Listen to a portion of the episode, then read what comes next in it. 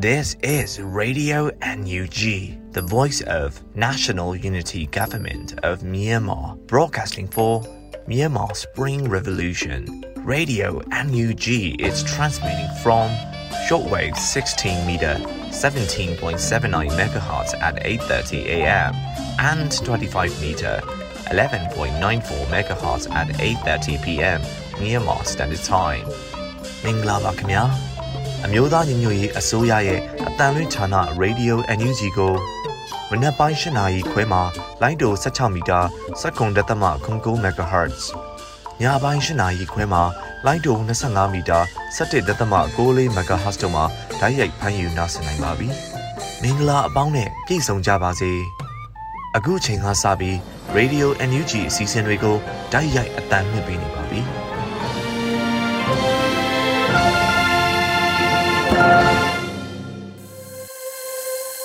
ရေဒီယို NUG သောတာရှင်ပေါင်းနဲ့မြန်မာနိုင်ငံသူနိုင်ငံသားအပေါင်းတဘာဝပြီးဆရာနာရှင်ဗီတို့ကနေကင်းဝေးပြီးကိုစိတ်နှဖျားစမ်းမချမ်းသာလို့ဘေးကင်းလုံခြုံကြပါစေလို့ရေဒီယို NUG ဝဟန်တော်သားတွေကဆုတောင်းမေတ္တာပို့သပေးလိုက်ရပါတယ်ရှင်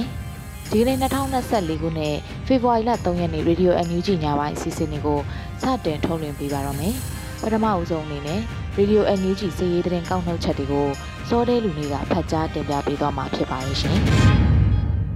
မင်္ဂလာပါခင်ဗျာခုချိန်ရစပြီး2024ခုနှစ်ဖေဖော်ဝါရီလ3ရက်နေ့ညပိုင်းမှာတင်ပြပေးမယ်ရေဒီယို NUG စီးရီးသတင်းများကိုဖတ်ကြားတင်ပြပေးသွားမှာဖြစ်ပါတယ်ကျွန်တော်စောတဲလူနေပါပထမအဆုံးအနေနဲ့မလှိုင်တဲ့နထိုးကြီးရှိစစ်ကောင်စီတပ်ဖွဲ့ကိုဒရုန်းဖြင့်ဘုံကျဲတိုက်ခိုက်ခဲ့ရမှာ9ဦးသေဆုံးသွားတဲ့သတင်းကိုတင်ပြပေးပါမယ်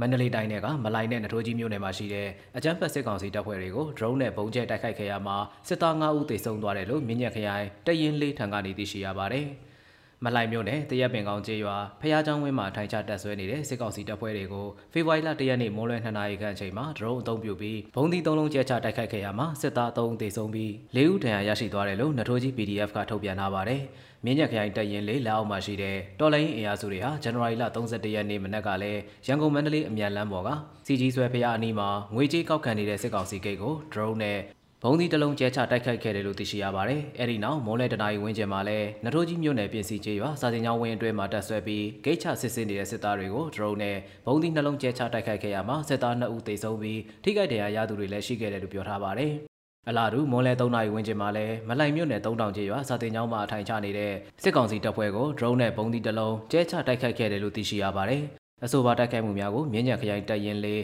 နထိုးကြီး People Defense Force မှလှုပ်ဆောင်ခဲ့ခြင်းဖြစ်ကြောင်းသိရှိရပါတယ်ခင်ဗျာ။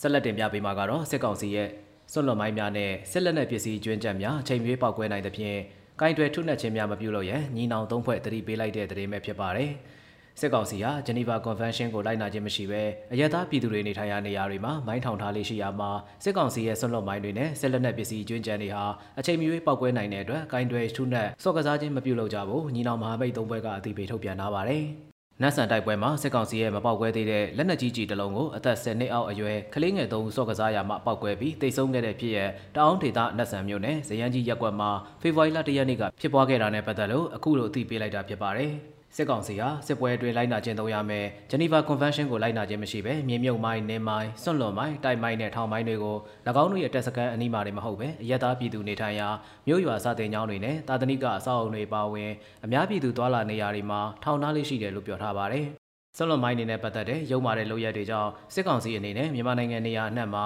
ဆယ်စုနှစ်ပေါင်းများစွာပြုလုပ်ခဲ့ပြီးဖြစ်ပါတယ်။ထို့အတူမြို့ရွာများအတွင်းကိုလည်းလက်နက်ကြီးတွေနဲ့နိုင်စဉ်ပစ်ခတ်တိုက်ခိုက်နေတာကြောင့်မပေါက်ကွဲသေးတဲ့လက်နက်ကြီးကြီးတွေကြန့်ရှိနိုင်သေးတယ်လို့အသိပေးထားပါတယ်။ဒါကြောင့်အရသာပြည်သူတွေအနေနဲ့တိုက်ပွဲဖြစ်ပွားရာနေရာတွေနဲ့စစ်ကောင်စီဘက်ကလက်နက်ကြီးတွေနဲ့ရန်တမ်းပစ်ခတ်နေတဲ့နေရာတွေကိုမလွှဲမရှောင်သာသွားရမယ်ဆိုရင်တတိထားသွားလာကြဖို့ညီနောင်မဟာမိတ်သုံးဘက်ကအသိပေးတိုက်တွန်းထားပါတယ်ခင်ဗျာ။ ရခိုင်ပြည်နယ်စကားခကိုလက်အောက်ခံတရင်အလုံးသိမ့်ပတ်ရရှိနိုင်ရေးအေးထိုးစစ်ဆင်နေဟုညီနောင်သုံးဘက်ပြောကြားလိုက်တဲ့သတင်းကိုဆက်လက်တင်ပြပေးသွားပါဦးမယ်။ရခိုင်ပြည်နယ်ကကြောက်တော်မြောက်ဦးနဲ့မင်းပြားမြို့နယ်မှာရှိတဲ့အမတ်ကိုစစ်စင်ရေးကုကဲမှုဌာနချုပ်စကခကိုလက်အောက်ခံတရင်အလုံးကိုသိမ်းပိုက်နိုင်ဖို့ရခိုင်တပ်မတော် AA ကထိုးစစ်ဆင်တိုက်ခိုက်နေတယ်လို့ညီနောင်မမိတ်သုံးဘက်ကအသိပေးပြောကြားလိုက်ပါတယ်။ပြည်တော်ညာနှစ်ခွန်စစ်စင်ရေး69ရက်မြောက်စစ်ရေးခြေနေတွေကိုဖော်ပြရမှာစစ်ရေးအရှိန်မြင့်နဲ့ရခိုင်ဒေသအတွင်းစစ်ရေးခြေနေကိုအသိပေးလိုက်တာဖြစ်ပါတယ် ရခိုင်ပြည်နယ်မှာစကခကိုလာအောက်ခံတရင်စရင်ရှိပြီးကြောက်တော်မြောက်ဦးနဲ့မင်းပြမြို့နယ်မှာရှိတဲ့စစ်ကောင်စီခြေဆိုင်တရင်တွေကတိမ့်ပိုက်ဖို့ကြံနေသေးတဲ့ခမရတရင်ချိုကိုအပိတိုက်သိမ်းယူနိုင်ဖို့ရခိုင်တပ်မတော် AA ကထိုးစစ်ဆင်တိုက်ခိုက်နေတယ်လို့ဆိုထားပါတယ်။ရခိုင်တပ်မတော် AA ဟာပြီးခဲ့တဲ့တပတ်အတွင်းစကခကိုလာအောက်ခံရှိတဲ့ချင်းမြန်တရင်တွေဖြစ်တဲ့မြောက်ဦးမြို့အခြေဆိုင်ခမရ940မင်းပြအခြေဆိုင်ခမရ380နဲ့ကြောက်တော်အခြေဆိုင်ခမရ304တို့ကိုတိမ့်ပိုက်ထားပြီးဖြစ်ပါတယ်။ ရခိုင်ဒေသအတွင်းစစ်ရေးအခြေအနေကိုသိပေးရမှာတော့ရန်ပြဲကျွန်းပေါ်ကရန်ပြဲမြို့နေရာအနှံ့မှာတိုက်ပွဲတွေဖြစ်ပွားနေပြီးစစ်ကောင်စီဘက်ကလေကြောင်းရေကြောင်းကနေလက်နက်ကြီးတွေနဲ့အဆက်မပြတ်ပစ်ခတ်နေတယ်လို့အသိပေးထားပါတယ်။ ဒေသတွင်းစစ်ရေးအရင်းမြစ်တွေပြောဆိုချက်အရရန်ပြမြို့အနီးတစ်ဝိုက်မှာတပ်ဆွဲထားတဲ့စစ်ကောင်စီတပ်စခန်းတွေဟာရခိုင်တပ်မတော်ရဲ့ဝန်းရံပိတ်ဆို့ခြင်းကိုခံထားရတယ်လို့သိရှိရပါတယ်။ဒါကြောင့်စစ်ကောင်စီတပ်တွေဟာရမ်းမြမြို့ကိုမြို့ပြက်လိုဖြစ်စေဆိုတဲ့ရည်ရွယ်ချက်နဲ့ဂျက်ဖိုက်တာနဲ့နှစ်ကြိမ် MI35 ရဟတ်ယာဉ်နဲ့၄ကြိမ်လာရောက်ဘုံကျဲတိုက်ခိုက်ခဲ့တဲ့အပြင်တပြိုင်တည်းမှာပဲတန်းချောင်းဝမှာရှိနေတဲ့စစ်သည်မောတွေကလည်းမြို့နီးတဝိုက်လက်နက်ကြီးနဲ့ဆယ်ကြိမ်ထက်မနည်းပြစ်ခတ်တိုက်ခိုက်ခဲ့တယ်လို့ထုတ်ပြန်ထားပါတယ်ခင်ဗျာ မြင်းကြံမြို့နယ်စံပြကျေးရွာရှိစစ်ကောင်စီတပ်ကိုတိုက်ခိုက်မှုမှာ၄ဦးသေဆုံးပြီးတနက်လေးလက်သိမ်းဆည်းရရှိခဲ့တဲ့တဲ့ရင်ကိုတင်ပြသွားပါမယ်မန္တလေးတိုင်းမြင်းကြံမြို့နယ်ပျော်ပွဲအုပ်စုကျေးရွာကစံပြကျေးရွာမှာတက်ဆွဲနေတဲ့စစ်ကောင်စီတပ်ကိုတိုက်ခိုက်ခဲ့ရာစစ်သားလေးဦးသေဆုံးပြီးလက်နက်လေးလက်တင်ဆက်ရရှိခဲ့တယ်လို့တော်လိုင်းအင်အားစုတွေကပြောကြားခဲ့ပါတယ်။ စံပြကျေးရွာကျေးလက်ကျမ်းမာရေးရုံးမှာတက်ဆွဲနေတဲ့စစ်ကောင်စီတပ်နဲ့မြင်းကြံခရိုင်တော်လိုင်းအင်အားစုတွေဖေဖော်ဝါရီလ2ရက်နေ့ညနေ4နာရီခွဲအချိန်ကတိုက်ပွဲဖြစ်ပွားခဲ့ရမှာစစ်ကောင်စီဘက်က၄ဦးသေဆုံးသွားတယ်လို့တော်လိုင်းအင်အားစုဘက်ကရဲဘော်တအုပ်လည်းကြာဆုံးခဲ့တယ်လို့သိရှိရပါတယ်။ ဒါအပြင်စံပြချေရွာအနီးမှာရှိတဲ့မိုင်တဲတာဝါတိုင်းကိုစီလာပြည့်တဲ့ကားတစ်စီးနဲ့စီပေပါနှလုံးကိုတင်ဆက်ရရှိခဲ့တယ်လို့ဒေတာတွင်းတော်လိုင်းအင်အားစုတွေကပြောကြားခဲ့ပါတယ်။တိုက်ပွဲဖြစ်ပွားပြီးတဲ့နောက်စစ်ကူလာတဲ့စစ်ကားတစ်စီးကိုလည်းတော်လိုင်းအင်အားစုတွေကကြားဖြတ်တိုက်ခိုက်ခဲ့တာကြောင့်စစ်ကူလာတဲ့တပ်ဖွဲ့ဟာရှေ့ဆက်မတိုးနိုင်ပဲအဝေးကနေသာလက်နက်ကြီးပစ်ကူပေးခဲ့ကြတယ်လို့ဆိုထားပါတယ်။လက်ရှိမှာစစ်ကောင်စီတပ်ဖွဲ့ဝင်တွေရဲ့ရန်တမ်းပစ်ခတ်မှုတွေကြောင့်စံပြချေရွာကဒေသခံပြည်သူတွေထွက်ပြေးတိမ်းရှောင်နေရတယ်လို့လည်းသိရှိရပါတယ်ခင်ဗျာ။ ဆက်လက်တင်ပြပေးမှာကတော့မြင်းကြံခရိုင်တွင်တော်လာနေကြတဲ့ခီးသွွားပြည်သူများအတွက်လမ်းမိုင်းဆိုင်ရာအသိပေးချက်ထုတ်ပြန်လိုက်တဲ့သတင်းပဲဖြစ်ပါတယ်။မြင်းကြံခရိုင်တွင်တော်လာနေကြတဲ့ခီးသွွားမော်တော်ယာဉ်များအနေနဲ့ကားမှန်များချမောင်းကြပါရန်နဲ့ညအချိန်မှာအတွင်းငံမီးများဖွင့်၍မောင်းကြရန်အချိန်ချင်းသတိပေးထုတ်ပြန်ခဲ့ပြီးဖြစ်တယ်လို့ဖေဖော်ဝါရီလ2ရက်နေ့မှာမြင်းကြံခရိုင်ပြည်သူ့ကာကွယ်ရေးတပ်ကအသိပေးထားပါတယ်။အချို့သောမော်တော်ယာဉ်များမှာလိုက်နာမှုမရှိဘဲတော်လာနေကြသည်ကိုလည်းတွေ့ရှိရတယ်လို့ဆိုထားပါတယ်။ မြင်းကြံခရိုင်တွင်ကားမှန်ချ၍မောင်းနှင်ကြရန်လမ်းပိုင်းများမှာမြင်းကြံနှထိုးကြီးပြင်စီလမ်းပိုင်းမြင်းကြံနဘူးအိုင်မြို့တာလမ်းမြင်းကြံတောင်သာမလိုက်လမ်းတောင်သာနှထိုးကြီးလမ်းပိုင်းမလိုက်နှထိုးကြီးခရိုင်ရင်းဆက်လမ်းပိုင်းမြင်းကြံညောင်လမ်းပိုင်းနဲ့မြင်းကြံတလုတ်လမ်းပိုင်းတို့ပါဝင်ကြောင်းသိရှိရပါတယ်ခင်ဗျာအခုတင်ပြခဲ့တဲ့သတင်းတွေကိုတော့ရေဒီယိုလေးကြီးသတင်းတောက်မင်းတီဟန်နဲ့ကိုကန်းတို့မှပေးပို့ထားတာဖြစ်ပါတယ်တော်တာရှင်များရှင်အခုဆက်လက်ပြီးပြည်ရင်းသတင်းတွေကိုတော့လွတ်လပ်နေဦးကဖတ်ကြားတင်ပြပေးမှာဖြစ်ပါတယ်ရှင် မင်္ဂလာပါခင်ဗျာခုချိန်ကစာပြီးဖေဖော်ဝါရီလ3ရက်နေ့ရေဒီယို UNG ရဲ့ညပိုင်းသတင်းများကိုတင်ပြပါတော့မယ်ကျွန်တော်ကလွတ်လပ်နေဦးပါခင်ဗျာပထမဦးဆုံးအနေနဲ့အမေရိကန်ထက်လွတ်တော်နိုင်ငံသားရေးကော်မတီဥက္ကဋ္ဌပန်ခါတင်နဲ့ UNG နိုင်ငံသားရေးဝန်ကြီးဒေါ်စင်မအောင်တို့တွေ့ဆုံခဲ့တဲ့သတင်းကိုဥစွာတင်ပြပါမယ်ဖေဖော်ဝါရီလ1ရက်နေ့မှာပဲနိုင်ငံသားရေးဝန်ကြီးဒေါ်စင်မအောင်ပါဝင်တဲ့ UNG ဂျာကာလာအမျိုးသားညွရေးအစိုးရကိုယ်စားလှယ်တွေနဲ့အမေရိကန်ထက်လွတ်တော်နိုင်ငံသားရေးကော်မတီဥက္ကဋ္ဌပန်ကာတင်တို့တွေ့ဆုံခဲ့တာဖြစ်ပါတယ် ဒီမိုကရေစီလူ့အခွင့်အရေးငြိမ်းချမ်းရေးနဲ့တာယာဝါပြောရေးတို့ကိုလိုလားတောင့်တနေတဲ့မြန်မာပြည်သူတွေဘက်ကအမေရိကန်အစိုးရဆက်လက်ရပ်တည်သွားမယ်လို့အမေရိကန်အထက်လွှတ်တော်နိုင်ငံသားရေးကော်မတီဥက္ကဋ္ဌပန်ကာတင်ကပြောကြားခဲ့ပါတယ်။မြန်မာနိုင်ငံငြိမ်းချမ်းတာရတဲ့နိုင်ငံဖြစ်အောင်မျှော်လင့်ချက်ကြီးမားတဲ့မြန်မာပြည်သူတွေဟာအမေရိကန်လွှတ်တော်ရဲ့မိတ်ဆွေမိတ်ဘက်တွေဖြစ်ပြီးလွှတ်တော်ကမြန်မာပြည်သူတွေဘက်ကရပ်တည်လာခဲ့တာဟိုးရင်ကလေးအဖြစ်တယ်လို့စစ်တပ်အာဏာသိမ်း၃နှစ်ပြည့်အတွက်ဥက္ကဋ္ဌပန်ကာတင်ရဲ့ထုတ်ပြန်ချက်မှာဖော်ပြထားတာသိရှိရပါတယ်ခင်ဗျာ။ ဆက်လက်ပြီးကိုရီးယားရပ်ဘက်အဖွဲ့အစည်းများအနေနဲ့မြန်မာအရေးကိုအခုတက်ပုံမို၍ထိထိရရောက်ကူညီဆောင်ရွက်ပေးရန်လူခွင့်ရေးဝန်ကြီးဦးအောင်မျိုးမင်းကတောင်းဆိုလိုက်တဲ့သတင်းကိုတင်ပြပါဦးမယ်။မြန်မာနွေဦးတော်လိုင်းရေး၃နှစ်ပြည့်ဖြစ်အောင်ပွဲစီတို့တို့တူသွားကြစို့ကောင်းစဉ်နဲ့ကိုရီးယားရပ်ဘက်အဖွဲ့အစည်းများနဲ့ဆွေးနွေးပွဲကိုဖေဖော်ဝါရီလ2ရက်နေ့တွင်မွန်းလွဲတနာရီမှညနေ6နာရီထိဆိုးလ်မြို့ကျွန်းတဲဟီခမ်းမ၌ကျင်းပခဲ့ကြပါတယ်။ အမျိုးသားညွရေးဆိုရကိုရီးယားနိုင်ငံဆိုင်ရာမြန်မာကိုယ်စားလှယ်ရုံးကစီစဉ်ကျင်းပတဲ့အဆိုပါဆွေးနွေးပွဲကို Justice Party မှလွှတ်တော်မှဂျောင်ဟဲယောင်းတက်ရောက်ပြီးမြန်မာနွေဦးတော်လှန်ရေးကိုဆက်လက်ထောက်ခံနေမှာဖြစ်ကြောင်းနှုတ်ခွန်းဆက်မိန့်ခွန်းပြောကြားခဲ့ပါတယ်။ဒါ့အပြင် Democratic Party လွှတ်တော်မှပန်ယောင်ဆွန်းကနှုတ်ခွန်းဆက်မိန့်ခွန်းကိုရုပ်သံဖိုင်ပေးပို့ခဲ့ပါတယ်။အမျိုးသားညွရေးဆိုရလူခွင့်ရေးဆိုင်ရာဝန်ကြီးဦးအောင်မျိုးမင်းကအာဏာသိမ်း၃နှစ်ကာလအတွင်းစစ်တပ်ရဲ့လူခွင့်ရေးချိုးဖောက်မှုများအန်ယူဂျီလူခွင့်ရေးဝန်ကြီးဌာန၏ဆောင်ရွက်နေမှုများမူဝါဒများ အနာဂတ်အတွက်ပြင်ဆင်မှုများနဲ့အန်ယူဂျီနိုင်ငံသားရေးလမ်းစဉ်ကိုအကျယ်တဝင့်ရှင်းလင်းပြောကြားခဲ့ပါတယ်။အဲ့ဒီနောက်ကိုရီးယားအစိုးရနဲ့ရပ်ဘက်အဖွဲ့အစည်းများအနေနဲ့မြန်မာနွေဦးတော်လှန်ရေးအတွက်ပုံမူလှုပ်ဆောင်ပေးတဲ့အချက်ရှိချက်ကိုတောင်းဆိုခဲ့ပါတယ်။အန်ယူဂျီနဲ့တိုင်းသားများရဲ့ပူးပေါင်းလှုပ်ဆောင်မှုကိုပုံမူအသိမှတ်ပြုထိတွေ့ဆက်ဆံရန်နဲ့ကိုရီးယားအစိုးရအနေနဲ့စစ်ကောင်စီအပေါ်လက်နက်တင်သွင်းမှုပိတ်ပင်ရုံသာမကရေနံနဲ့တဘာဝတက်ငွေအပါအဝင်စစ်ကောင်စီတံငွေကြေးစီးဆင်းနေတဲ့လုပ်ငန်းများကိုပါပိတ်ပင်ရန် မြန်မာပြည်သူတွေအတွက်လိုအပ်နေတဲ့အကူအညီများကိုအန်ယူဂျီနဲ့တိုင်းသားများထံတိုက်ရိုက်ပေး၍ထိရောက်အောင်ဆောင်ရွက်ရန်စတာတွေကိုတောင်းဆိုခဲ့တယ်လို့သိရပါတယ်ခင်ဗျာလူခွင့်ရေးဝန်ကြီးဦးအောင်မျိုးမင်းမှကိုရီးယားနိုင်ငံတော်လူခွင့်ရေးကော်မရှင်ဥက္ကဋ္ဌစန်ဒူးဟွန်နဲ့တွေ့ဆုံပြီးမြန်မာနိုင်ငံရဲ့လူခွင့်ရေးအခြေအနေကိုပွင့်လင်းစွာဆွေးနွေးခဲ့တဲ့ဆိုတဲ့အကြောင်းကိုတင်ပြပါဦးမယ်။ကိုရီးယားနိုင်ငံကိုရောက်ရှိနေတဲ့အမျိုးသားညွရေးဆိုရ လူခွင့်ရေးဆိုင်ရာဝန်ကြီးဦးအောင်မျိုးမင်းသည်ယနေ့နေ့နဲ့ပိုင်းကကိုရီးယားနိုင်ငံတော်လူခွင့်ရေးကော်မရှင်ဥက္ကဋ္ဌဆောင်တူးဟွန်နဲ့တွေ့ဆုံပြီးမြန်မာနိုင်ငံရဲ့လူခွင့်ရေးအခြေအနေများကိုပွင့်လင်းစွာဆွေးနွေးခဲ့ကြတယ်လို့သတင်းရရှိပါတယ်။တွေ့ဆုံပွဲကိုကော်မရှင်အတွင်းရေးမှူးဖတ်ဂျင်နဲ့ညွှန်ကြားရေးမှူးချုပ်ဆော့ဂျွန်ရီတို့ပါဝင်တက်ရောက်ကြပြီးကိုရီးယားနိုင်ငံဆိုင်ရာအန်ယူဂျီကိုယ်စားလှယ်ဦးရန်နိုင်ထွန်းအလုသမားတာဝန်ခံဒေါ်မေမိုးသူနဲ့ရုံးအဖွဲ့ဝင်များတက်ရောက်ဆွေးနွေးကြပါတယ်။ အဲ့ဒါလိုဆွေးနွေးရမှာမြန်မာအကြမ်းဖက်စစ်တပ်ရဲ့လူခွင့်ရေးချိုးဖောက်မှုများနဲ့ပတ်သက်လို့ကိုရီးယားဆိုရရဲ့လှုပ်ဆောင်တင်သောအချက်များကိုအကြံပေးတင်ပြရန်နဲ့မြန်မာနိုင်ငံမှာလွတ်လပ်ပြီးလုံနိုင်စွမ်းရှိသောလူခွင့်ရေးကော်မရှင်ပေါ်ပေါပြီးလူခွင့်ရေးဆိုင်ရာမြင့်တင်ရေးလုပ်ငန်းများပူးပေါင်းဆောင်ရွက်နိုင်ရေးအန်ယူဂျီအစိုးရ၏လူခွင့်ရေးဆိုင်ရာလုပ်ငန်းရပ်များကိုကူညီပေးနိုင်ရေးကိုရီးယားနိုင်ငံရောက်မြန်မာနိုင်ငံသားများရဲ့လူခွင့်ရေးဆိုင်ရာကြားနာမှုတရားကိုလှုပ်ဆောင်ပေးရန်နဲ့အကာအကွယ်ပေးနိုင်ရေးကိစ္စရပ်များကိုအတိတ်ကထားပြီးဆွေးနွေးခဲ့ကြတယ်လို့သတင်းရရှိပါတယ်ခင်ဗျာ။ ဆက်လက်ပြီးလူငယ်များနဲ့အမျိုးသားညွရေးအစိုးရအန်ယူဂျီရဲ့လူခွင့်ရေးဆိုင်ရာဝန်ကြီးဌာနဒုဝန်ကြီးဦးအောင်ကျော်မိုးတို့တွေ့ဆုံပွဲရိုဟင်ဂျာရေးတက်ကြွသူရိုဟင်ဂျာ100နီးပါးတက်ရောက်ခဲ့တဲ့အကြောင်းကိုတင်ပြပါဦးမယ်။ဖေဖော်ဝါရီလ2ရက်နေ့မှာကျင်းပတဲ့ရိုဟင်ဂျာငြိမ်းချမ်းရေးနဲ့လူခွင့်ရေးအာရကန်ပြေ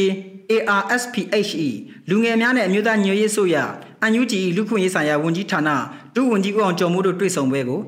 ရိုဟင်ဂျာရေးတက်ကြသူရိုဟင်ဂျာတရားနီးပါးတက်ရောက်ခဲ့တယ်လို့သတင်းရရှိပါတယ်။တွေ့ဆုံပွဲမှာလူငယ်များသိရှိလိုတာများကိုမေးမြန်းရာဒုဝန်ကြီးဦးအောင်ကျော်မိုးကရှင်းလင်းစွာဖြေကြားခဲ့ပြီးလူငယ်များကစိတ်ကျဉ်နှံမှုရရှိခဲ့တယ်လို့သိရပါတယ်။၎င်းတွေ့ဆုံပွဲမှာအထူးဖိတ်ကြားထားတဲ့အန်ယူဂျီရဲ့လူခွင့်ရေးအထူးကြံပေးဖြစ်တဲ့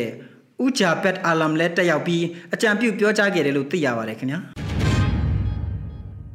2023ခုနှစ်ထိမြို့နယ်တရားရုံးများမှရာဇဝတ်မှုတရားမမှုစုစုပေါင်း1343မှုကင်တွယ်ခဲ့ပြီးအမှုပေါင်း838မှုကိုအမိန့်ချမှတ်နိုင်ခဲ့တဲ့အကြောင်းကိုတင်ပြပါဦးမယ်။တရားရေးဝန်ကြီးဌာနမှဦးဆောင်၍မြို့နယ်26မြို့နယ်တွင်တရားသူကြီး123ဦးနဲ့မြို့နယ်ရာရှိများကိုခန့်အပ်တာဝန်ပေးထားပြီးတရားစီရင်ရေးလုပ်ငန်းများကိုဖော်ဆောင်လျက်ရှိတယ်လို့ဖေဖော်ဝါရီလ1ရက်နေ့လွှတ်တော်သို့အမျိုးသားညွှန်ရေးအစိုးရကအစီရင်ခံခဲ့ပါတယ်။ 2023ခုနှစ်ထိမြို့နယ်တရားရုံးများမှရာဇဝတ်မှုတရားမမှုစုစုပေါင်း1343မှုကိုကင်တွယ်ခဲ့ပြီးအမှုပေါင်း838မှုကိုအမိန့်ချမှတ်နိုင်ခဲ့ကစကိုင်းမကွေးဖက်ဒရယ်ယူနစ်များတွင်စီရင်ခံပြီးအမှုများမှာထောင်ကျအကျဉ်းသား233ဦးနဲ့အချုပ်သား400ကျော်ရှိခဲ့ပါတယ်2023ခုနှစ်အတွင်းတရားစီရင်လုပ်ငန်းအတွက်အခွန်ပန်နာငွေရရမှာ ငွေကျပ်သိန်းပေါင်း1064သိန်း8300သုံးစွဲခဲ့ပြီးတရားစီရင်ရေးနဲ့တရားဥပဒေစိုးမိုးရေးဆိုင်ရာလုပ်ငန်းများအတွက်နိုင်ငံတကာအကူအညီများနဲ့လည်းစီမံဆောင်ရွက်လျက်ရှိကြောင်းတင်ပြခဲ့ပါတယ်။ဒါ့အပြင်တိုင်ကြားမှုများကိုစစ်စစ်ဖော်ထုတ်အရေးယူနိုင်ရန်အတွက်လည်း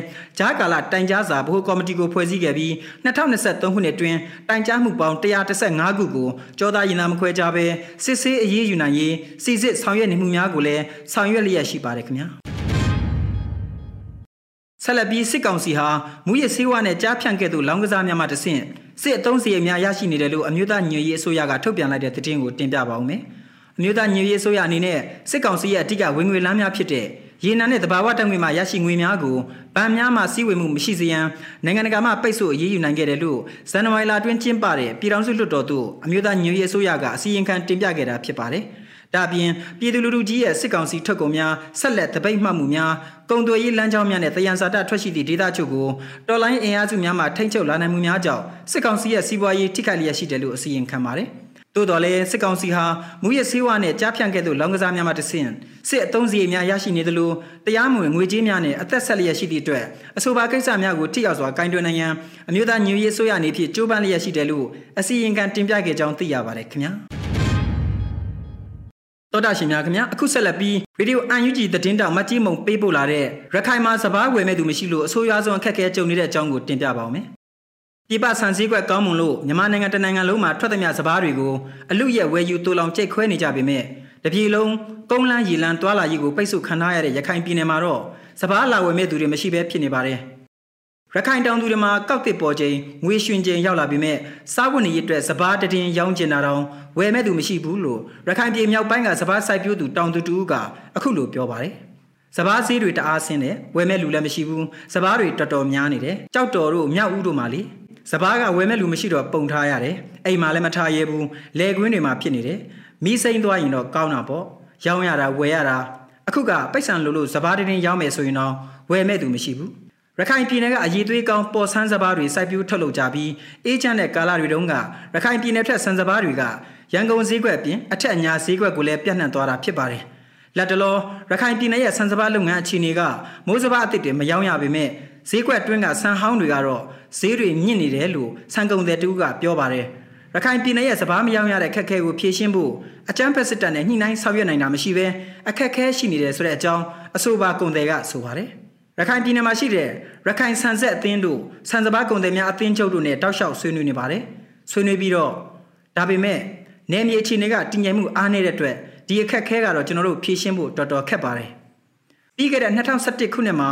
မြန်မာပေါ်ဆန်းမှုကကမ္ဘာအကောင်းဆုံးဆန်စုကိုရရှိထားတဲ့ကမ္ဘာကသိတဲ့ဆန်မျိုးစားဖြစ်ပါတယ်မြန်မာတွေကဆန်ကောင်းစားတဲ့လူမျိုးတွေဖြစ်တာကြောင့်ပေါ်ဆန်းမှုကပြပဈေးကွက်ရှိပေမဲ့လည်းစိုက်ရီက73သိန်းလောက်ကထွက်ရှိလာတဲ့ပေါ်ဆန်းတွေက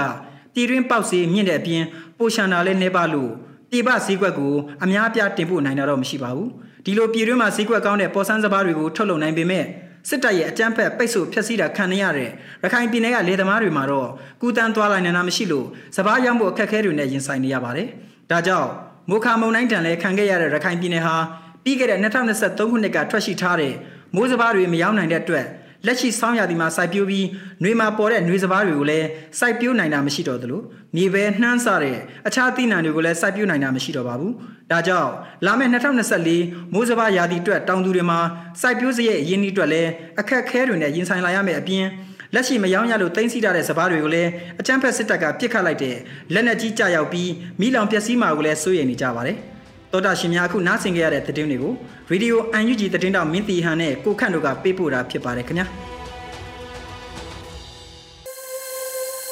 ရေဒီယို NUG မှာဆက်လက်တင်ပြနေပါတယ်ရှင်။အခုဆက်လက်ပြီးစောထွန်းအောင်မင်းများစီစဉ်ထားတဲ့ຫນွေဦးမှန်ကူကွက်အစီအစဉ်မှာ NUG ဝန်ကြီးချုပ်ရုံပြောရေးဆိုခွင့်ရှိသူဦးနေဖုံးလည်းရဲ့မျက်မှောက်ရေးပြောကြားချက်ကောက်နှုတ်တင်ဆက်မှုအပိုင်းနှစ်ကိုတော့ကိုခန့်နဲ့မင်းစစ်သွေးတို့ကကောက်နှုတ်တင်ဆက်ပေးမှာဖြစ်ပါတယ်ရှင်။ တောင်းလဲတစ်ခုခုလောက်ခံနေတိုင်းမှာသူတို့အများအားကောလာဟလာတွေလွှင့်လေရှိတယ်ပေါ့နော်ဒီတိုင်းပဲဒါတောက်လျှောက်ကောလာဟလာတွေကြားနေရတော့မျိုးစုံပဲပေါ့နော်ဂျားပြက်ဖွဲ့မယ်ဆိုတာမျိုးတွေမင်းအောင်လိုင်းကိုပဲစစ်ဝဲဆောင်ကနေလူဝဲလဲတော့မယ်ပေါ့နော်ဒါမျိုးတွေဟိုဘာပောက်ကိုတော့လားဟုတ်တယ်သူတို့တော့ဟိုခေါ်ခေါ်ယူစစ်ဆေးခံရတယ်ပေါ့နော်ဒါတွေကတော့တော့ဘာပါသူတို့ကသူတို့စင်ထားတဲ့အကွက်တွေပါနော်ပြောချင်တာကဘလို့ပဲဒီလိုကောလာလွှင့်လွှင့်ကျွန်တော်ကတော့ နောက်ကျဖွဲ့စည်းပုံကိုသူတို့အများနဲ့ပြောလိပြောတာရှိရတယ်နော်သူတို့ဘာလို့လို့ဖွဲ့စည်းပုံအတိုင်းပဲလုပ်တယ်ဖွဲ့စည်းပုံအတိုင်းပဲလုပ်တယ်ဆိုတော့ဒီ2000ဖွဲ့စည်းပုံဘောင်ကိုကြော်ပြီးတော့တစုံတရာလုပ်မယ်လို့တော့ကျွန်တော်ကတော့မထင်ဘူးပေါ့နော်ကျွန်တော်ကဘယ်လိုထင်လဲဆိုတော့လက်ရှိကလည်းဒီဖွဲ့စည်းပုံရဲ့ပုံမှန်425အရာပေါ့နော်သက်တမ်းကိုရေးပေါ်အခြေအနေကိုဒါ6လ6လသက်တမ်းနှစ်ခါတိုးလို့ရတယ်ပေါ့နော်အဲအဲ့မှာတာမန်အားဖြင့်စကားလုံးပါတယ်ပေါ့နော်တာမန်အားဖြင့်နှစ်ခါတိုးလို့ရတယ်ဒါပေမဲ့အခုကတာမန်မဟုတ်ဘူးအခြေအနေကအဲ့တာမန်အားဖြင့်စကားလုံးလေးကိုပဲကစားသွားတာနော်အဲ့တော့အခြေအနေကတာမန်မဟုတ်တဲ့အတွက်ကြောင့်မလို့နောက်ထပ် တိုးတယ်တိုးတယ်ကွာဆိုပြီးတော့အခုဆိုနှစ်နှစ်ဖြစ်သွားပြီပေါ့နော်အဲ့ရနေမှာအခုဒီတစ်ခေါက်လည်းပဲကျွန်တော်မြင်လာတော့ဒီဖွဲ့စည်းပုံတွေကအတိုင်းပဲနောက်ထပ်6လထပ်တိုးလိတ်အောင်မယ်လို့ပဲကျွန်တော်ကတော့သုံးသက်ချင်တယ်ပေါ့နော်ခုနကပြောလူအပြောင်းလဲတချို့တော့ရှိကောင်းရှိမှာပေါ့နော်ဒီ NASA ကထဲမှာဖွဲ့ထားတဲ့ NASA ကထဲမှာလူအပြောင်းလဲချို့ရှိကောင်းရှိပေမဲ့ဒီထက်တက်တန်းကိုပဲထပ်တိုးပြီးတော့ဒီယာရူးတွေကိုပဲ ဆက်လက်ပြီးတော့ဒါဆွဲကင်ပြီးတော့ဒါသွားမယ်လို့ကျွန်တော်တို့မြင်တယ်ပေါ့နော်သူ့ဘက်ကတော့လှည့်ကွက်မျိုးစုံသုံးလိမ့်မယ်နောက်အခြားသောဒီကျွန်တော်တို့မထင်မှတ်ထားတဲ့လောက်လာနိုင်ခြေရှိတာတွေလည်းအများကြီးရှိတယ်ပေါ့နော်အထူးသဖြင့်ဒီနိုင်ငံတော်တာမင်ငံပုဂ္ဂိုလ်နဲ့ပတ်သက်တဲ့ကိစ္စတွေပေါ့နော်နေအကျယ်ချုပ်ပြောင်းတာမျိုးတွေလည်းဖြစ်နိုင်တယ်စသဖြင့်မျိုးစုံပါပဲနော်အော်တေချာတခုကသူ့ဘက်ကဘယ်လိုပဲလုပ်လို့ကျွန်တော်တို့ကတော့အာယုံအလွဲမခံမဲနဲ့နော်ကျွန်တော်တို့ရဲ့ပန်းနိုင်အောင်ဒါဒီဇိုင်းမမတ်သွားဖို့လိုတယ်ဘာဖြစ်လို့လဲဆိုတော့ဒါမင်းအွန်လိုင်းကဒါစစ်ရှုံးကောင်တွေဖြစ်နေပြီနော်ဘာဖြစ်လို့လဲဆိုတော့ဒီလက်ရှိအခြေအနေမှာ ဒီတိုက်ပွဲတွေရဲ့အခြေအနေเนาะတက်ကလည်းပြိုနေပြီ။ကျွန်တော်တို့ရှေ့မှာပြောခဲ့တာတွေလည်းဒါအားလုံးလည်းမှတ်မိကြလိမ့်မယ်เนาะ။အဲ့ဒါတွေထက်ကိုပိုဆိုးတဲ့ အပြိုတွေကတောက်လျှောက်ကိုဖြစ်လာပြီဇက်တိုက်ဇက်တိုက်ပဲနော်နောက်တချို့တွေဆိုရင်ဒါဒုတ်လေးမှာစက်ကူပြူလေးညှပ်ပြီးတော့ပြတာမျိုးတွေတချို့ဆိုလက်နက်တစ်ခုမှ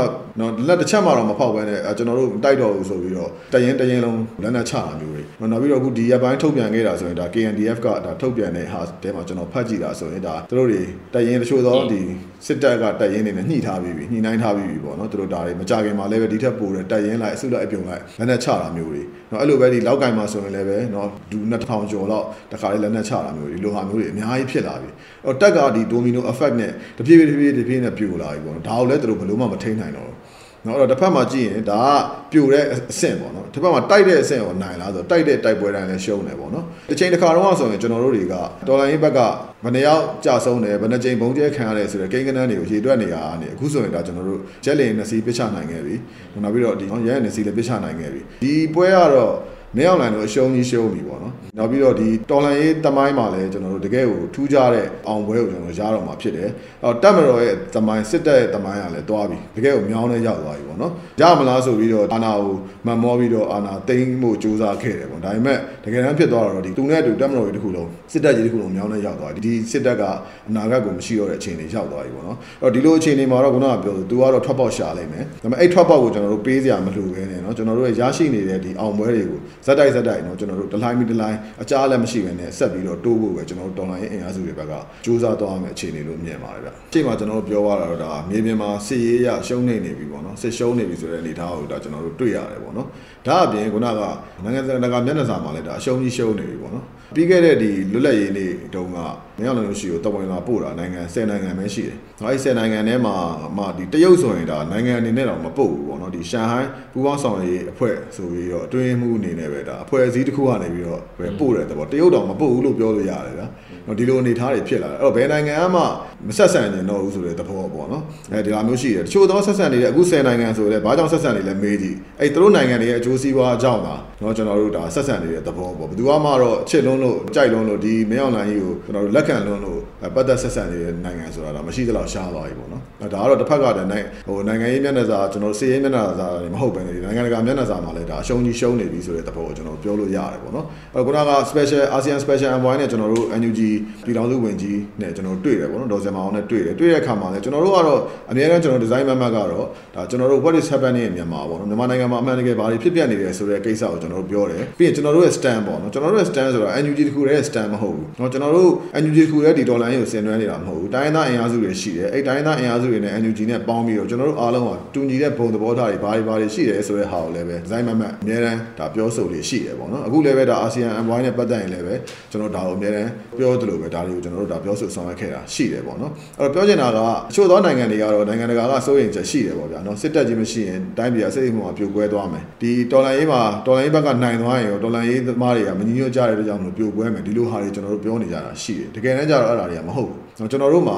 စူးစီးညီညွတ်မှုရှိကြောင်းဆိုတဲ့ဟာကိုကျွန်တော်တို့ကပြနိုင်ဖို့အတွက်ကျွန်တော်ဒီဇိုင်းမမတ်တာစူးစမ်းခဲ့တာအခုဆိုရင်ဒါအတိုင်းအတာတစ်ခုတည်းဒါနိုင်ငံရေးသဘောတူညီမှုတွေလည်းအများကြီးကြာကျွန်တော်တို့ရထားပြီးဖြစ်တယ်ပေါ့နော်အဲ့တို့ကြောင့်မလို့ခင်ဗျားတို့စိုးရိမ်နေတဲ့စိုးရိမ်ချက်တွေကဘာတစ်ခုမှဖြစ်လာကြအကြောင်းမရှိဘူးအဲ့ကျွန်တော်တို့ပြည်သူလူထုရဲ့အမှန်တကယ်လိုလားချက်ကလည်းเนาะဒီကျန်းဖတ်စစ်အုပ်စုနဲ့ ဘလို့မှအတူတူလက်တွဲပြီးတော့ရှေ့ဆက်သွားလို့မရတော့တဲ့အတွက်ကြောင့်မလို့ဒါကြီးကိုတော့ကျွန်တော်တို့ဒါအမြင့်ဖြတ်မှဖြစ်မယ်ဆိုတဲ့ပြည်သူရဲ့တန်ဋိဌာန်ကိုလည်းပဲအတိအမှတ်ပြုကြဖို့လေးစားကြဖို့ဆိုတဲ့ကိစ္စတွေပေါ့နော်ဒါတွေကိုကျွန်တော်တို့ကအမြဲတမ်းတော့ခွင့်ရရရတယ်လို့တော့နိုင်ငံတကာကိုကျွန်တော်တို့ဒါအတိပေးဆောင်ရလျက်ရှိပါတယ်ဗျ။လမ်းများလုံးနေပြီးတော့သို့ဆိုတဲ့ဟာကကျွန်တော်တို့ဒါစီမံချက်တစ်ခုအနေနဲ့ကိုချပြီးတော့ဒါဆောင်ရွက်နေတဲ့ဆောင်ရွက်ချက်ဖြစ်တယ်ပေါ့နော်။ အဲ့တော့ဒီဟာကကျွန်တော်တို့ကြွေးကြော်နေုံတတ်တတ်မဟုတ်ပဲねဒီကြွေးကြော်တိုင်းနောက်မှာတကယ်လုံနိုင်မှုလဲကျွန်တော်တို့ဒါဇိုင်းနံပါတ်တာစူးစမ်းခဲ့တာရှိတယ်ပေါ့နော်အဲ့တော့ဒီတနိုင်ငံလုံးအတိုင်းတာနဲ့စစ်စင်ရေးတွေဆင်နွှဲနေတဲ့အခြေအနေမှာလဲအဲ့တော့မြို့အားအဖြစ်ပြောမယ်ဆိုရင်33မြို့ရှိသွားပြီပေါ့နော်တနိုင်ငံလုံးမှာအဲ့ကျွန်တော်တို့ကြားတဲ့သတင်းရဆိုဒါမင်းမင်းပြားပေါ့နော်အဲ့တော့ဒီမင်းပြားကိုကကျွန်တော်တို့ဒါတိမ့်လိုက်ပြီဆိုတဲ့သတင်းတွေလည်းကျွန်တော်တို့ကြားတယ်ပေါ့နော်အဲ့တော့ပြောချင်တာကတော့2024မှာဒီလမ်းများအားလုံးနေပြီးတော့ဆိုတဲ့စီမံချက်အတိုင်းပဲ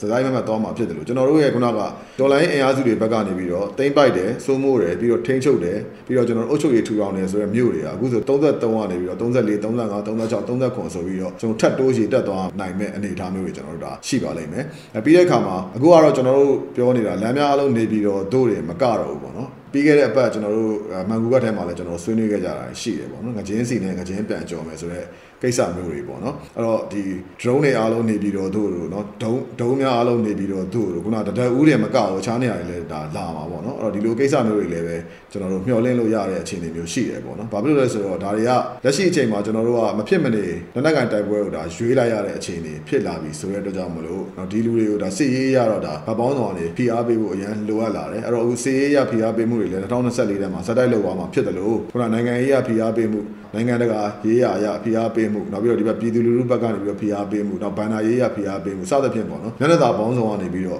ဝိုင်းပြီးတော့ဖိအားပေးတဲ့ကိစ္စတွေလည်းကျွန်တော်တော်လိုင်းရေးဘက်ကနေပြီးတော့စားတတ်တပူတိုးလာဖို့ကျွန်တော်တို့ဒါစူးစမ်းမှာဖြစ်တယ်တစ်ဖက်မှာလည်းခုနကတကယ်ကိုပဲအရှိန်ဟုန်နဲ့ပြိုလာတဲ့စစ်တပ်ကြီးอ่ะเนาะကျွန်တော်တို့ထပ်ပြီးတော့အဲ့ဒါတွေလည်းမြင်ရပါလိမ့်ဦးမယ်ကျွန်တော်ထင်တယ် ပြိုသွားတော့မဲ့အခြေအနေပေါ့နော်အဲ့တော့ဒီဘက်ဟိုဘက်ကအပြိုနဲ့ဒီဘက်ကအတိုးအတက်ပေါ့နော်အဲ့ဒီဟာနဲ့ဒါပေါင်းမိသွားတဲ့အခြေအနေတစ်ခုရောက်ရင်တော့ဒါကျွန်တော်တို့ကဲကိုပဲစုံသက်တိုက်ပွဲရဲ့အောင်ပွဲတစ်ခုကိုဒါမျှော်လင့်နိုင်မယ့်အခြေအနေလို့ကျွန်တော်ကတော့မြင်အောင်မိပါတယ်ဟုတ်တာတာရှင်များရှင်ဒီနေ့ညရဲ့နောက်ဆုံးအစီအစဉ်ဖြစ်တဲ့တိုင်းသားဘာသာစကားထုတ်လွှင့်မှုမှာတော့ကချင်ဘာသာနဲ့တပတ်အတွင်းသတင်းတွေကိုဗရန်ရှယ်ကြီးကဖတ်ကြားပေးသွားမှာဖြစ်ပါတယ်ရှင်စောရိုင်ကျရဝန်ပေါ်အမျိုးရှာနေရောငွေပြောစမစငါနိကလော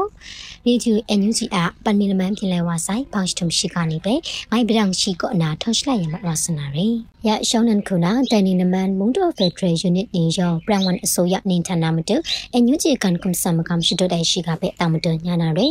ဖေဖရိုက်စတာပရလငရရှင်နီကလောအိုင်ကရုလောင်နာမုံဖော်ရပ်တော့စပွန်တာကန်ကွန်ဆမ်ကမ်ယာနာဆွန်ဆွနေရီမကားမေချရမလမချန်အန်ကွန်ဖက်ရှရတ်နာဇင်းမတူဒါလူဆိုင်ကနာနေ ground ground လောက်အားငါဆိုင်တဲ့မရက် ခင်ကောင်ကွန်မလီနေနမန်မုန်တော်ဖက်ဒရယ်ယူနစ်အင်ယောင်ပရန်ဝန်အစိုးရရှင်ရာဥခန်းရုံနေချန်လူနာမတူခရက်အခက်ငါအိုင်ငါနာကန်ကွန်ဆမ်ကမ်ဆွနေရ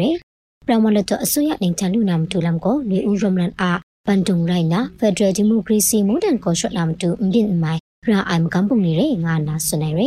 တာတော့အတင်ထကောကီနီပရန်ဝန်လတ်ဥခန်းကောင်စီ IEC ပဲနေချန်လူနာခေါမုံတော်တဲ့စကိုင်းကင်ဝါဘူကားကပါနေချမုံ ပရန်ဝါလက်တော့အစိုးရနေချလူနာမတူရှကုတ်ငိုင်းလောင်ကျဲလူကအိုင်မတနာမေကမုန်တဲ့နေခုနာရှင်ကင်နောင်နာဂရမင်းတုံလမ်ရှန်ကမန်ခငါရူပတ်ရိုင်းငါအိုင်ကွန်ရှန်မြန်ဖင်တပါတွက်လိုက်အလမ်နိဖေမောကျဲနာပရန်နမ်တူရငါအိုင်ငါနာဆုနေရှိကပဲတောင်မတွညာနာရရတင်တာရှင်ကင်နောင်နာဂရမင်းတုံနေကြောမအိုင်ဘုံပန်အိုင်မြစ်ရအိုင်ကကြိုင်လမ်နေရရိုက်တင်တင်းဆာငါအိုင်ကွန်ရှန်မြန်ဖင်တပါမန်ခေါဖဲမဖရနိုင်ရှာ ငူကြောတဲ့ဆောက်ကြောတဲ့စီစီရတဲ့ရှာမိုင်ငါအိုင်တဲမကျော် grooming တုံလမ်ရှန်ကမန်ခေါပြင်ရှုံငါအိုင်ရူပတ်ဖဲကကြိုင်ကလုံးငါအိုင်ငူဖဲကျဲနာဖရနာမတူရှေမတုံအခက်ငါအိုင်ငါနာဖေဖရိုက်စတာနာခုမ်စုစန်ထိုင်လမန်တာရှင်ကင်အခေါ်ကောင်းခရင်မဦးအောင်မျိုးမြင်စနေရီကွန်ရှင်မြန်ပြန်တပ်နေမုံမရမရှာနေဖဲမတုံတုံကဆက်တိုင်လမ်နေအမကျော်မုံမရမရှာဝန်လခေါင်တတမခရုဖြန်ကွေရင်ရငါနာဝန်ရှင်းဆက်တတမခရုရမ် grooming တုံလမ်နေရအခက်ငါလမ်ကျဲလူကအိုင် မတနာခင်ဦးနင်ထန်ထမရေမရှမရေမစုံစခရုမနာမရေရှိမလာထရင်ခရမရှိကဖဲတမတညာနာရေဂျန်နွေစတာဆုံရှိလငရရှိနီထစကိုင်းကေဝဘူကာကပါရေဦးနင်ထန်ကောနာပလူဝအိုင်ကွန်ရှင်မြင်ဖြင့်တပ်ပါဖြန်ကွန်ဆက်ရှိကြနိုင်ဖြန်ပုံကောတည့်ရခုံချေကင်ပြေကထောင်းနေပဲလောင်နကပါကကြည့်နေချက်ရှန်ကပ်နာဖေဖရိုက်စတာပရငရရှိနီထကောမကွဲငါအိုင်မုံမရေမရှမရေမစုံဖဲဆက်ကောဝဲရေစခရမနီကိုတည့်ရကုံကထောင်းနာအဆက်ဆုံရှိလငရနီကိုရဲအောင် အဆောက်ငါရှိလငိုင်နေကိုတန်ထွန်းတဲ့ကင်းပြမရနာအဆောက်မလေးရှိလခေါနေကိုတန်လွင်ချင်းနေရိုက်နာရီမွေမတိုင်ဖောင်းကလုံးကထောင်မကောက်ထဆက်ကောရဲငါနာအလင်းရောင်မကော့မကဖုံကကိုအလင်းရောင်ဝါစွန်တန်နေရတဲထန်ကမုံမရမရှာမရရှိမကလထရင်ခရုမနာတနီနာတန်တူခရာရိုက်လော့ချေလမ်တေဖြန်ကွန်ထူးရှောင်းဝါရမကျော်ကထောင်ရှိမကနာမုံမရမရှာမွန်မီချန်ဖြန်ရန်ရငါအိုင်လမ်ကျဲလူကအိုင် ဖောင်စတုံခုနာကွန်ရှင်မြင်ဖြန်တပ်ဖဲဘုံနီဆောင်ချရှောင်းညာငါအိုင်ဘုံနီမစုံတဲ့ကပရဒမ်လခေါဖဲဩစတြေးလျမုန်တနေရှင်တန်းအရီလာကောရှိကပဲတောင်တညာနာရီမုံရှာနီယာအန်စာတင်စာရရပလမ်နီကလောငါအိုင်ကွန်ရှင်မြင်ဖြန်တပ်တဲ့မထုမနွေငါအိုင်ဘုံနီမစုံတဲ့ကပရဒမ်လခေါဖဲကွန်ရှင်မြင်ဖြန်တပ်ဒရုမ်ကမ်စင်လာကောအိုင်မစုံနင်းပရီခင်ခွန်ကွန်မလီနင်းဖေဖရရှ်တာပရလငါရရှိနေတာဩစတြေးလျမုန်တနေရှင်တန်းအရီလာကောဆိုင်ရီကွန်ရှင်မြန်ပြင်သက်ပါမတူဆွတ်မဒီစတော့ရငါ အိုင်မကန်းပုံနေရငါအိုင်မြန်မာ Foreign Trade Bank MFTB တဲ့မြန်မာ Investment and Commercial Bank နိဖဲရှင်တန်အရီလာကောဝဲရတဲထန်ကကွန်ရှင်မြန်ပြင်သက်ဖဲဘုံနီဆောင်ချောညာငါအိုင် Asia Sun Group Asia Sun Trading Company Limited တဲ့ Cargo Link Petroleum Logistics Company Limited နိဖဲမိုရှင်တန်အရီလာဂျ ပန်တာဘန်ကောဝဲလမ်ကျေလူကအိုင်ပတ်မီမန်ပြလိုက်ဝဆိုင်ဘန့်စတုရှိကနေဖဲအကြောင်းရှပွဲရလမန်ကိုအန်တဲ့ကောငဆိုင်ခုရေရေဒီယိုအန်ယူဂျီအရှိကနေဖဲကပလာမတတ်အိုင်စောရအိုင်ကျရဝန်ပေါ်အမျိုးရှာနေရောဖဲ gratitude ပါဆိုင်လောဒီကနေ့ကတော့ဒီညနေပဲ Radio NUG ရဲ့အစည်းအဝေးတွေကိုခਿੱတရရနိုင်ပါမယ်မြန်မာစံတော်ချိန်မနက်၈နာရီခွဲနဲ့ည၈နာရီခွဲအချိန်တွေမှာပြန်လည်ဆုံးဖြတ်ကြပါစို့ Radio NUG ကိုမနက်ပိုင်း၈နာရီခွဲမှာလိုင်းဒို16မီတာစက္ကန့်တသမ9 MHz ညပိုင်း၈နာရီခွဲမှာလိုင်းဒို25မီတာ17သမ6 MHz တို့မှာဓာတ်ရိုက်ဖမ်းယူနားဆင်နိုင်ပါပြီမြန်မာနိုင်ငံသူနိုင်ငံသားများကိုယ်စိတ်နှပြကျန်းမာချမ်းသာလို့ဘေးကင်းလုံခြုံကြပါစေလို့ Radio NUG အဖွဲ့သူအဖွဲ့သားများကဆုတောင်းလိုက်ရပါတယ်။အမျိုးသားညီညွတ်ရေးအစိုးရရဲ့စက်သွေးရေးတရင်အချက်အလက်နဲ့ဤပညာဝန်ကြီးဌာနကထုတ်လွှင့်နေတဲ့ Radio NUG ဖြစ်ပါတယ်။ San Francisco Bay Area အခြေစိုက်မြန်မာမိသားစုများနဲ့ နိုင်ငံတကာကစေတနာရှင်များလှုပ်အားပေးများရဲ့ Radio NUG ဖြစ်ပါတယ်။အရေးတော်ပုံအောင်ရမည်